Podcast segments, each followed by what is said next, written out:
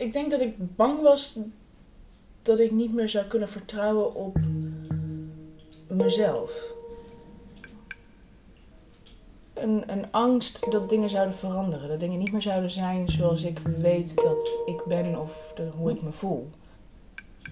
Vooral voor iemand die single is en dus niet een partner hebben met wie je even fijn, rustig op ontdekking kan gaan of zoiets, voelde dat wel eng. Je staat in het midden van je leven en dan opeens kanker. Zet je je kale kop dan op je Tinder-profiel? Hoe vertel je een geliefde dat je amper nog wat voelt daaronder? En hoe ga je als single om met een verhoogd libido als gevoel van de prednison? Pik je dan gewoon iemand op in de kroeg? Is je lichaam nog seksueel als je een borst of balzak mist?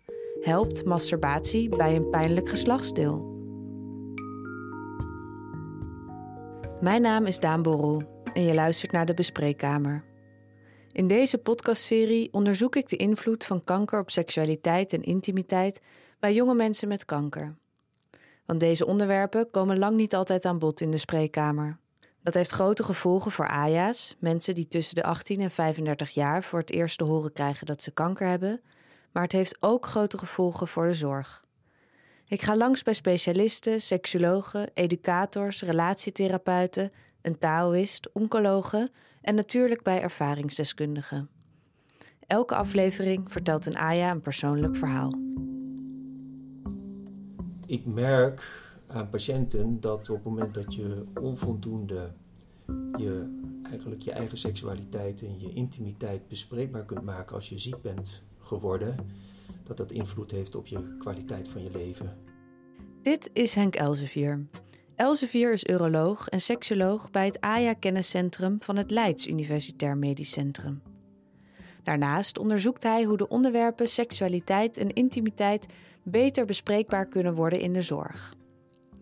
Bijna alle mensen die ik voor deze serie vroeg waarom seksualiteit niet meer besproken wordt, gaven als eerste argument tijd. Er is maar één kwartiertje en ja, dan zijn er zoveel andere dingen te bespreken. Wat het volgens Henk Elsevier ook lastig maakt, is dat ieder mens op een ander moment behoefte heeft aan deze informatie.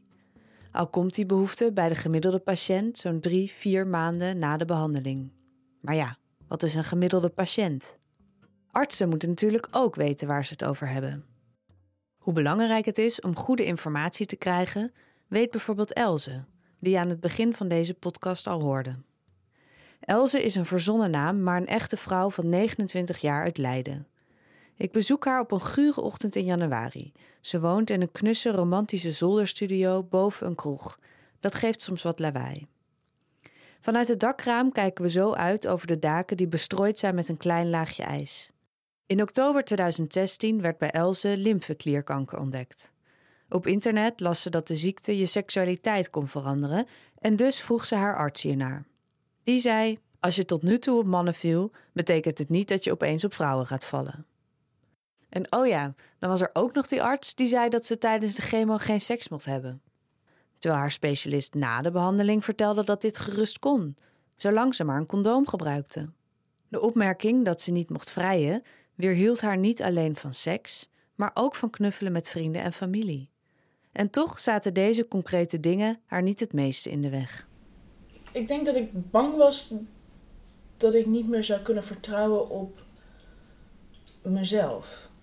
En seksualiteit en intimiteit is zo'n uh, intiem deel van jezelf dat als dat anders wordt, vooral voor iemand die single is en dus niet een partner hebben met wie je even fijn, rustig op ontdekking kan gaan of zoiets, voelde dat wel eng. En kon je, ja, kon je die vraag dan stellen? Die heb ik nooit gesteld. Um, terugdenkend aan welke arts ik had, weet ik ook niet welke antwoorden ik had gekregen. Uh, seksualiteit is nooit een thema geweest dat we besproken hebben. Tenzij ik zelf met dus zo'n soort vraag kwam. Uh, maar uit zichzelf zijn ze daar nooit over begonnen. Dus eigenlijk de vraag, de grote vraag die je had was... Um, zal ik zelf hier zo erg in veranderen? Kan ik mezelf nog vertrouwen? Ja. Ja. heb je daar nu antwoord op? Ehm, tot op zekere hoogte wel, denk ik. Ik was vooral in het begin eh, heel erg bezig met mijn leven weer heel snel oppakken. Alles was weer net zoals voorheen. Ik, mijn idee was om, nou ja, twee maanden na de laatste chemo al gelijk weer aan het werk te zijn. Fulltime, geen probleem. Nou ja, dat, dat, dat was eh, niet wat er gebeurde. En, maar ook op date niveau heb ik dat ook zo geprobeerd op te pakken. Ik denk dat ik op een of andere manier iets aan mezelf probeerde te bewijzen. Dus ik, ben, ik heb geprobeerd heel actief te daten. En dat was dus heel snel na je chemo, zeg je? Ja, nou, ik, sterker nog, ik heb dus op de. La, volgens mij was het de laatste dag dat ik chemo had. Dacht ik, ja, nee, ik ben er nu helemaal klaar mee. Ik zet mijn Tinder aan. Ehm, met, nou ja, alle vragen die ik had van, ja, maar kan, ik, heb, ik, zit, ik zit nog met het infuus in mijn arm. Wat doe ik op Tinder? Dat is, nou ja, toch een beetje dat je denkt, waar wat ben je aan het doen? um, En vervolgens de vraag natuurlijk, ja, welke foto's zet je daarop? Want, nou ja, voorheen op Tinder staat gewoon foto's met lang haar. En ik liep al drie maanden zonder haar gewoon rond. Um, dus na veel wikken en wegen met mezelf heb ik gewoon een, een foto van mezelf kaal erop gezet. Dan niet als eerste foto, maar Ja, wel eh, foto nummer drie of vier, zeg maar. En toen vervolgens in angst zitten afwachten van, nou, dit gaat dus iedereen afwijzen. Of in ieder geval bij nader inzien als ze dan ja hebben geklikt, maar op foto 3 komen, dan toch maar weer op nee. Of uh, weg eh, swipen. Maar wonder boven wonder, ik had best wel veel matches. En ook best wel veel leuke gesprekken. En sommige mensen vroegen er gelijk naar van, goh, je bent daar kaal, waarom? Eh, en anderen hadden eerst gewoon een langdurig gesprek voordat ze ernaar vroegen. En durfde je dan, of zei je dan, gaf je altijd antwoord, het eerlijke antwoord? Ik gaf een semi-eerlijk antwoord. Ehm, want ik had twee tumoren en één eh, zou via chemo weggaan en de ander zou een half jaar later eh, via een operatie weggaan.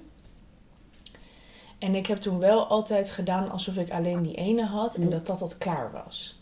Ik dacht, ja, wie wil er nou gaan daten met iemand die nog steeds kanker heeft? Dat was wel wat achteraf gezien volgens mij niet had gehoeven, maar ik, dat vond ik toch. Ik, het was een stukje zelfbescherming, denk ik. Ehm, maar wat ik wel interessant vond om überhaupt te zien, dat met een kaal hoofd en door te vertellen, nou, ik heb net kanker gehad, ik heb net chemo gehad, nog steeds mensen gewoon met mij op date wilden. Ehm, en dat heb ik dus ook gedaan. Ik geloof dat ik. ehm, ti- tien dagen misschien ve- 14 dagen, twee weken na de laatste chemo, zat ik, was ik op date gegaan.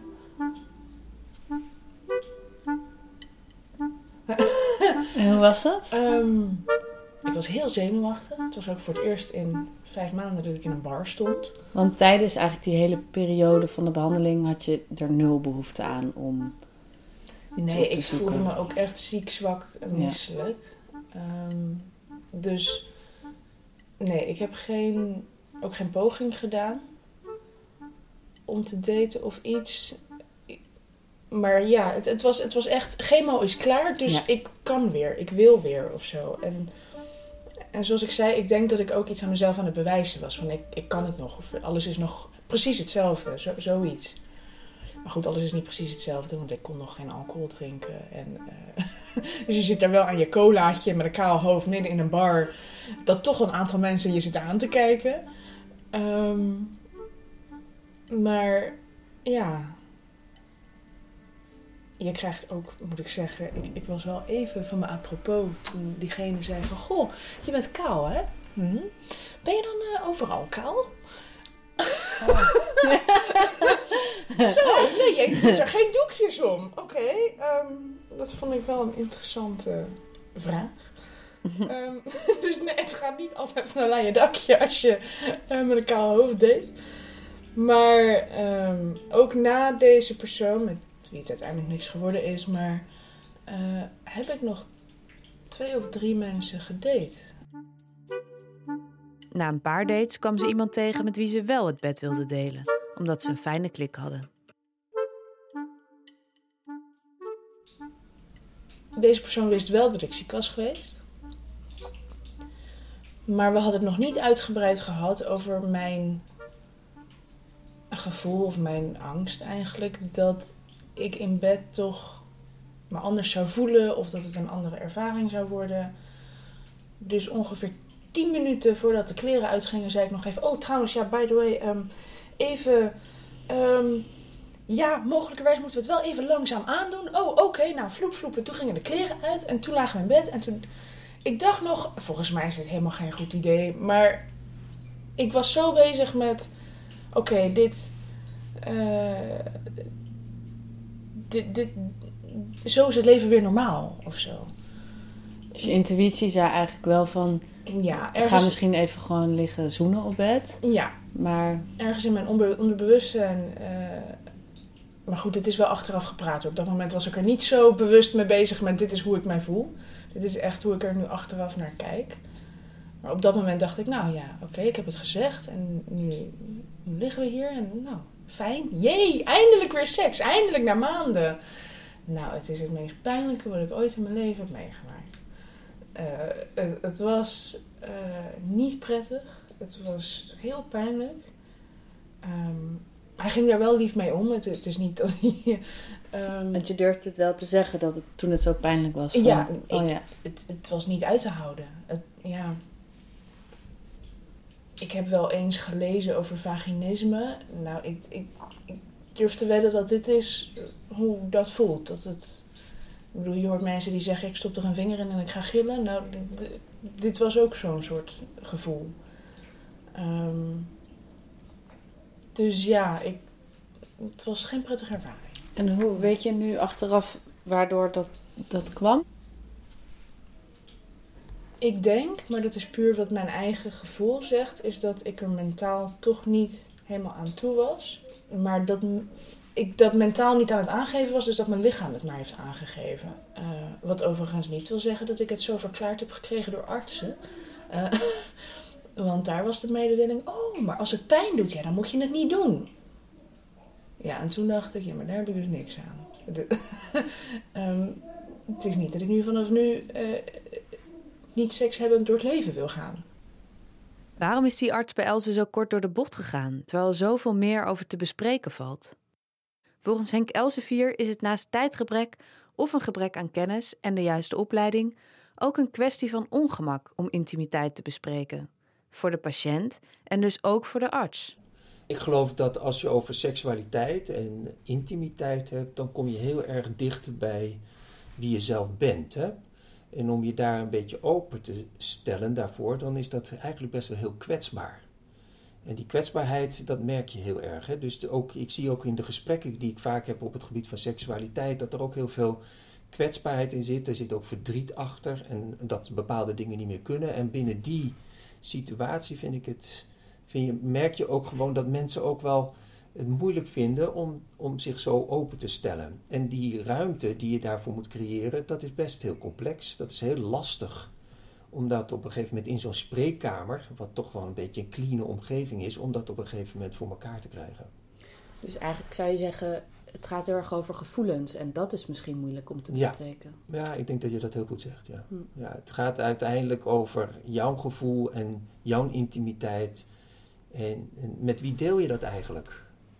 Dus dat is heel interessant eigenlijk. Dus ik ken jou niet en ik ken je sinds kort.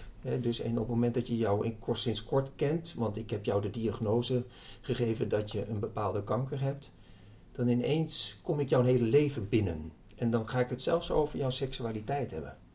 Eigenlijk is dat wel heel bijzonder, maar ook wel heel lastig. Want de verantwoordelijkheid die je daarover krijgt om daarmee om te gaan en hoe dat allemaal gaat, die ligt dan ook bij die persoon die die vragen stelt. En kan je dat allemaal wel voor elkaar krijgen dat het in een bepaalde baan terechtkomt, dat die persoon uiteindelijk, wat we hopen, binnen zijn eigen seksualiteit weer nou, kan genieten. Eh, eh, eh, dat hij daar op een gegeven moment weer een beetje kan accepteren dat hij er een beetje anders seksueel kan functioneren als voor die tijd. Bij Else duurde het ongeveer een half jaar na die vervelende ervaring dat ze het weer wel wilde proberen. In dat half jaar kwam ze zichzelf tegen. Het wordt niet meer zoals het was. Gelukkig kwam ze na die tijd iemand tegen met wie ze zich zo veilig voelde dat ze het weer wel wilde proberen. Dit keer durfde ze het vooraf ook te bespreken. Want hoe, bespreek je zo, hoe besprak je zoiets dan? Mm, open en eerlijk. Ehm, ik denk ook niet dat je dat zomaar met iedereen kan. Maar toevallig was dit wel iemand die heel erg open stond voor nou ja, over alles waar je maar behoefte aan had over praten. Dus we hadden heel snel een, uh, een goede klik, zeg maar. Dus dacht ik, nou volgens mij ben jij wel iemand die ik hier op dit gebied kan vertrouwen, dat hiermee om kan gaan. Uh, dus zo gezegd, zo gedaan eigenlijk. Uh, maar ja, ik, ik heb gewoon echt de tijd moeten nemen. En ook voor mezelf, niet alleen met een ander, maar überhaupt met mezelf en met mijn eigen lichaam. Uh, ik ben ook, uh, denk ik, wat dikker dan voordat ik begon.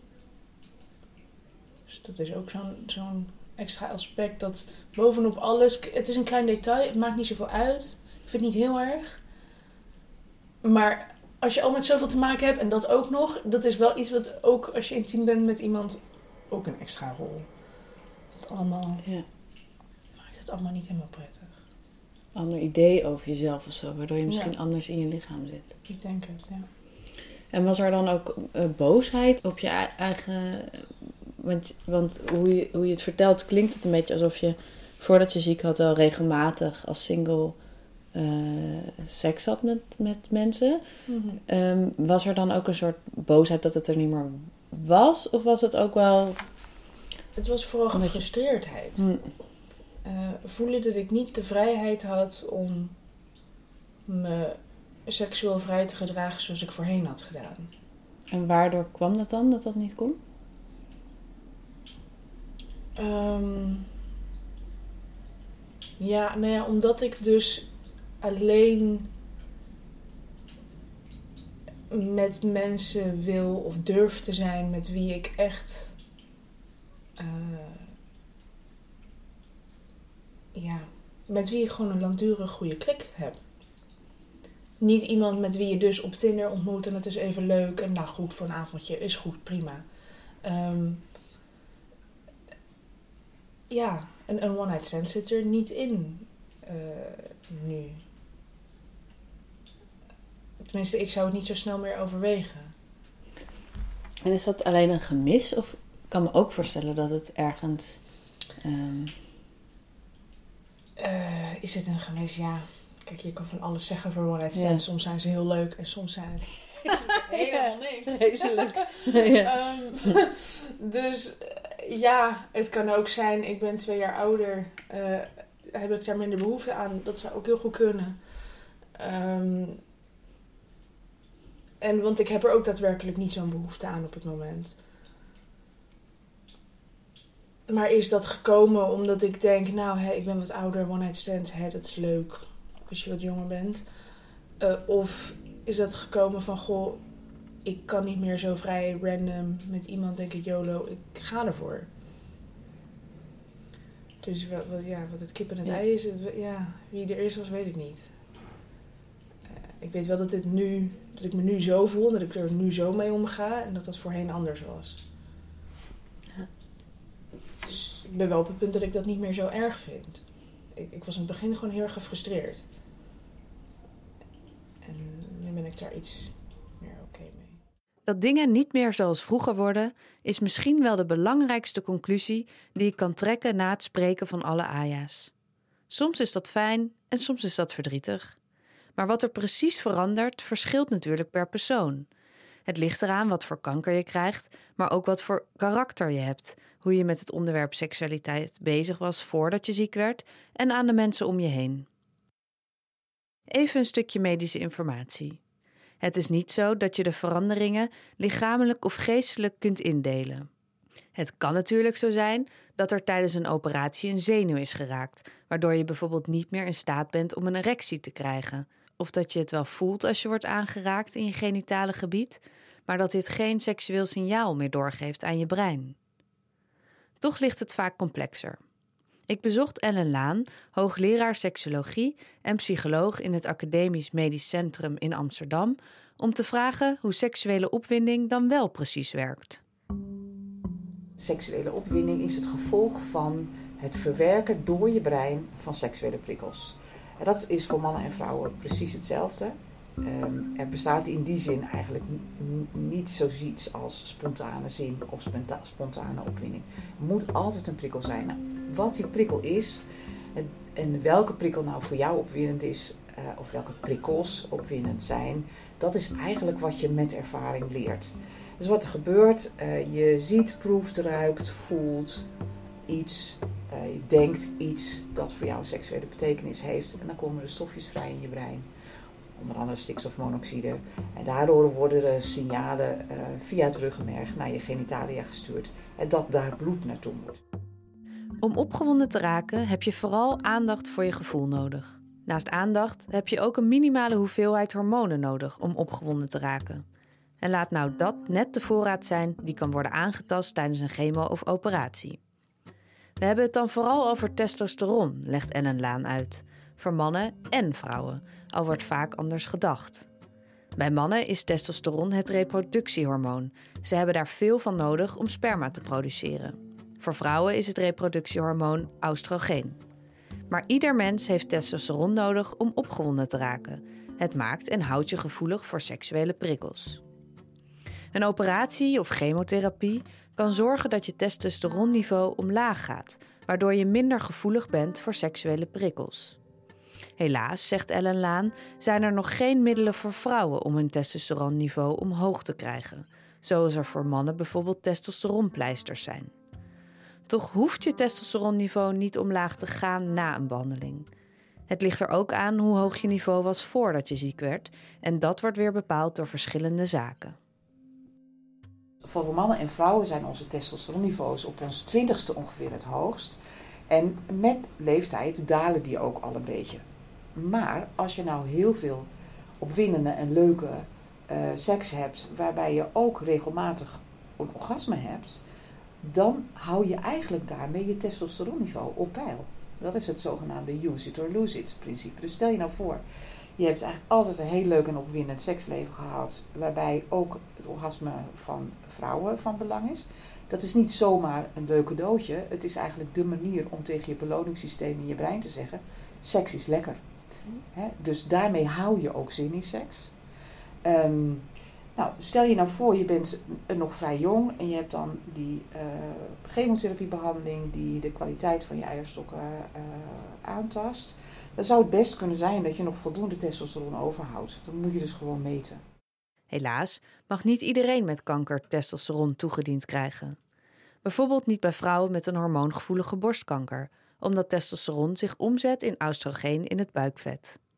Een ongelofelijke zure situatie, zegt Ellen Laan. Maar, benadrukt ze nogmaals, het hoeft niet zo te zijn dat je testosteronniveau te laag is geworden door een behandeling. Henk Elsevier ziet in zijn spreekkamer dat het tekort aan testosteron ook bij mannen veel invloed kan hebben. Dat merkte hij laatst weer bij een patiënt. Die, die man die ik dus deze week sprak rondom bijvoorbeeld uh, dat hij zei van ja, eh, ik voel me totaal anders. Ik voel me fysiek niet meer in mijn eigen lijf bijna. Je, je krijgt een beetje een soort schizofrene situatie dat je, dat je eigenlijk dat lijf niet bijna meer van jezelf is. Zo zou je het misschien moeten omschrijven. Dus, ja. dus als ik het goed begrijp, ehm, heb je gewoon geen fysieke prikkels meer. En het wordt ook niet meer echt beloond of zo. Als je... Nou, het beloningssysteem, eh, laten we zeggen, eh, eh, je komt niet eens aan een beloning toe.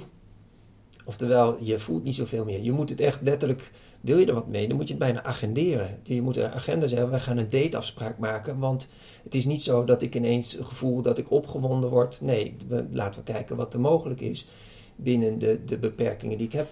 Dus je, je, je, wat ik vaak wil doen met die mannen die dat toch nog die wens hebben, is dat ik zeg van ja, je moet er letterlijk met je partner gaan afspreken. Dan heb ik, uh, gaan we gewoon vrijen. Dan hebben we gewoon een, avond dat we wat gaan doen. En op een, dat moment kunnen ze een deel wel van genieten. Maar de volgende dag is het niet zo dat ze dan ineens denken van goh, wat was het heerlijk en, en, en, ik krijg weer zin. Nee, die zin die, die moet je eigenlijk dan op dat moment steeds weer op in een agenda eigenlijk bijna plannen. En dat is, maakt het natuurlijk heel vreemd En is het dan ook niet eh, bijvoorbeeld ehm, eh, eh, als je dicht bij iemand bent en je hebt gewoon veel huidcontact, dan kan je daar echt opgewekter door voelen eh, daarna? Of, of ge- meer geborgen? Ja, Is, werkt dat ook niet meer? Of is het echt alleen die seksuele... nee, het is ook gewoon het, überhaupt het heel fysiek anders in je lichaam zitten. Hè, dus een, een, een, man die, heeft- die voelt zich minder man. Toch is je seksuele opwinding niet helemaal afhankelijk van je hormoonhuishouding, zegt Ellen Laan. Seksualiteit is een biopsychosociaal fenomeen. Dat betekent dat opwinding wordt bepaald door biologische, psychologische en sociale factoren. Het is dus niet alleen een kwestie van lichamelijke dysfuncties, maar alle omstandigheden moeten meewerken. Zoals een warme kamertemperatuur, de juiste prikkels en aandacht. Terug naar Elze. Want na al deze negatieve invloeden is het ook mogelijk dat kanker, ook al klinkt het een beetje gek, positieve dingen brengt. Ehm, ik denk dat ik een klein stukje eh, me geoorloofd voelde. Omdat ik zo ziek was om gewoon echt te bedenken, maar wat wil ik? En dat ga ik dus nu ook doen. Eh, of wat wil ik van jou? Nou, dat ga ik dus nu naar vragen. En dat heeft een klein stukje egoïsme, I guess, met zich meegebracht. Maar een egoïsme die ik voorheen niet had. En ervoor zorgde dat ik vroeger wel eens echt over mijn grenzen heen ging wat ik voor anderen deed. En wat ik nu veel meer in de gaten hou van, ja, maar ik voel me hier niet prettig bij. En dan kan ik er nog steeds voor kiezen om het te doen, maar dan heb ik wel gemerkt, oh, oké, maar ik doe dit dus echt voor jou. Ik doe dit niet voor mezelf. En ik sta veel meer op mijn eigen strepen van, nou ja, hier heb ik geen zin in, dit ga ik niet doen. Zou je dat niet zelfzorg noemen in plaats van egoïsme? Ik denk dat dat een veel beter woord is. ja, absoluut. Eh, het is ook, ehm, ja, het is ook echt iets wat ik als iets fijns ervaar. eh, na het ziek zijn. Een van de positieve dingen die het me heeft gebracht. Al blijft de ziekte wel in haar leven. Een paar maanden geleden kreeg ze een tweede klap. Na een vruchtbaarheidsecho bleek dat het eigenlijk amper nog de moeite waard is om eitjes in te vriezen. Ik voelde me letterlijk zoals in die tekenfilmpjes van die poppetjes van hun sokken geblazen worden. Dat je die voetjes nog ziet staan. Nou, zo heb ik me letterlijk een week lang gevoeld. Dat ik rondliep. Dat ik dacht, jezus, maar nou, ik zit weer niet meer. Ik heb weer... Ik, ik kom er hier maar niet vanaf of zo. Ehm, en het wordt dus ook gezegd van, ja, maar je bent wel nog vruchtbaar. Maar, wellicht eh, wil je dus over nadenken om niet al te lang te wachten met kinderen. Wat is niet al te lang? Ja, ik zou niet twee jaar wachten. Denk ik, ja, maar ik ben op dit moment ben ik single. Ja. Dus voor ik iemand vind, daar vertrouwd mee ben, op, en dan op zo'n level eh, eh, me wil verbinden voor de komende rest van mijn leven. En überhaupt wil ik kinderen. En nou ja, en met wie en welke genen wil ik erin stoppen? Ga ik dan naar een donor, eh, een spermadonorbank? Hoe? Nou ja, goed. Duizend en één vragen. Ehm, Dus het heeft eigenlijk vruchtbaarheid ook heel erg te maken met eh, hoe jij je intimiteit de rest van je leven gaat indelen. Wat je nu in één keer moet besluiten. Ja, het was. ehm, Ja, ik vond het best heftig. En ik vond het ook. Ik merkte. Ik ben altijd heel open geweest naar iedereen toe over het feit dat ik ziek was. Ehm, heb iedereen altijd verteld: Nou, ik heb dit en dat. Dit is mijn behandeling. Eh, als je het wil weten, wil ik je graag vertellen hoe ik me voel. Ik, er waren geen grenzen aan mijn. In ieder geval niet aan mijn openheid over wat er met mij aan de hand was. En zo kreeg ik dit te horen en ik merk gewoon dat ik er veel geslotener over ben. Ik vertel het niet meer aan Jan en alle man en het is niet meer. eh, en dat stoort me wel, want het heeft me ook. Nu, als ik nieuwe mensen ontmoet, merk ik dat ik me geremd voel in vertellen over überhaupt het kanker hebben gehad. Omdat ik weet dat de vraag kan komen: Goh, maar hoe zit het dan met je vruchtbaarheid? En dat ik daarover eigenlijk niet zo graag wil vertellen. Ehm, Hoe komt dat dan, denk je? omdat het. Het is een permanent iets. Het is iets wat. Ja, wat je dus bij je zal dragen. En dat ook zo zijn invloed heeft op als ik iemand ontmoet, hoe gaan we dit vormgeven? Ja. Binnen nu en dus niet twee jaar eh, langer dan dat wachten. Ja, precies. Hallo, Dus- zullen we een kind nemen? Ja, ik bedoel, dat is als je het mij vraagt gewoon een relatie gedoemd om te mislukken bij date 1. Ehm, wat natuurlijk onzin is, want dat hoeft helemaal niet zo te zijn. Maar dat is wel in ieder geval de initiële gedachte die ik daarbij had. Ehm, maar goed, ik heb eh, wel met artsen gesproken en alsnog ze overtuigd om het wel te proberen, eitjes in te vriezen. Ehm, dus hoewel de kans vrij klein was dat er iets uitkwam, hebben we het wel gedaan. Ehm, En is het gelukt of weet je dat dan nu nog? het is gelukt. Eh, de vraag is of het genoeg gelukt is. Hm. Eh, er zijn eh, drie eitjes uitgehaald en ingevroren. Kijk, er hoeft er maar één tussen te zitten die, die, die het overleeft. Maar de kans is groot, ja. Bij het invriezen kan er een kapot gaan. Bij het ontdooien kan er een kapot gaan. Bij het bevruchten. Ehm, en dan moet het nog teruggeplaatst worden en aanslaan.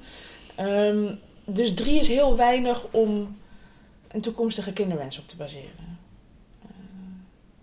Dus de vraag is, wil ik dit nu nog een keer herhalen? Of wil ik het hierop gokken? Ja. Het was... eh, de, de, daar zit ik nog even over na te denken. Dus het is eigenlijk weer een beetje terug in je le- leven ook gekomen. Ja, zeker. ik heb wel besloten dat ik echt even een half jaar hier eh, dit nu niet wil herhalen. Ook omdat ik mijn lichaam echt de tijd wil geven om daar goed van te herstellen. Want het was wel een ingreep die me wel. Het heeft wel echt iets met me gedaan.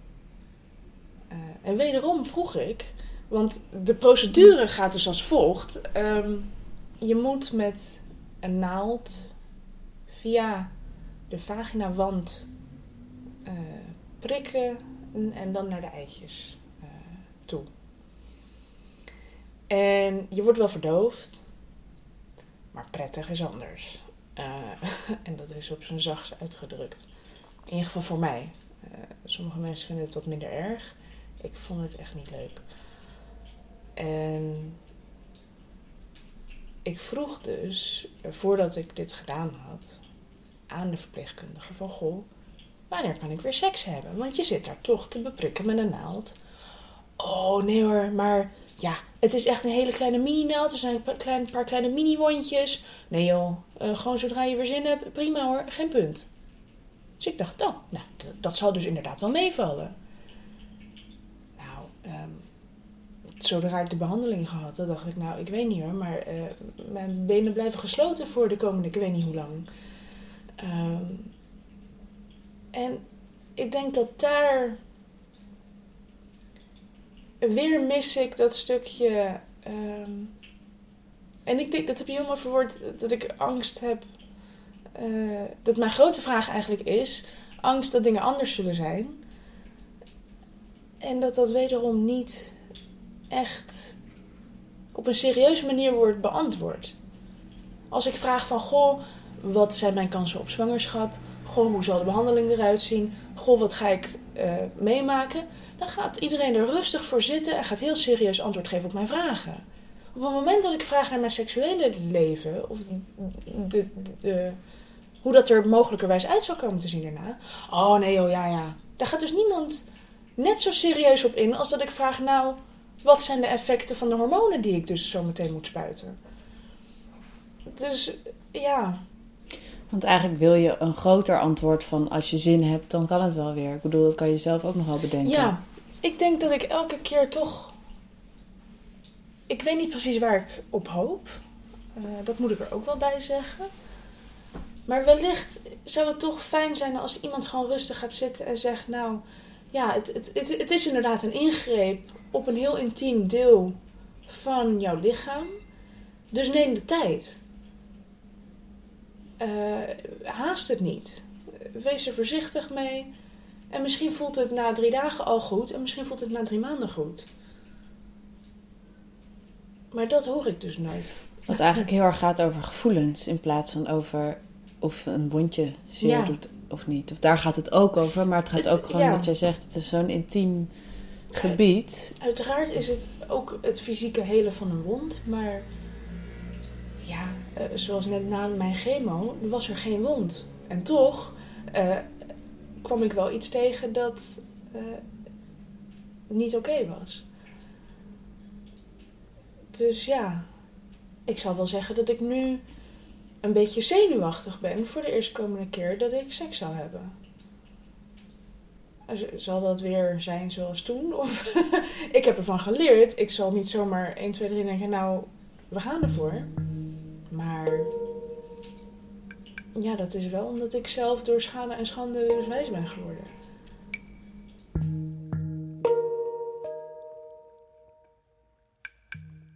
Dit was de eerste aflevering van De Bespreekkamer. De podcast waarin ik onderzoek hoe kanker de seksualiteit en ervaring van intimiteit van jonge mensen kan beïnvloeden. Deze podcast is gemaakt in opdracht van het Nationaal AJA Jong en Kanker Platform, het zorgnetwerk voor jonge mensen met kanker. En tot stand gekomen met een subsidie van Stichting Roparun, waarvoor dank. Lotte van Galen is verantwoordelijk voor de edit, Matthijs Groos voor de vormgeving. De intromuziek is gemaakt door Anouk Vizé en Wieger Hogendorp. En mijn naam is Daan Borrel. Ik hoop dat je de volgende keer weer luistert.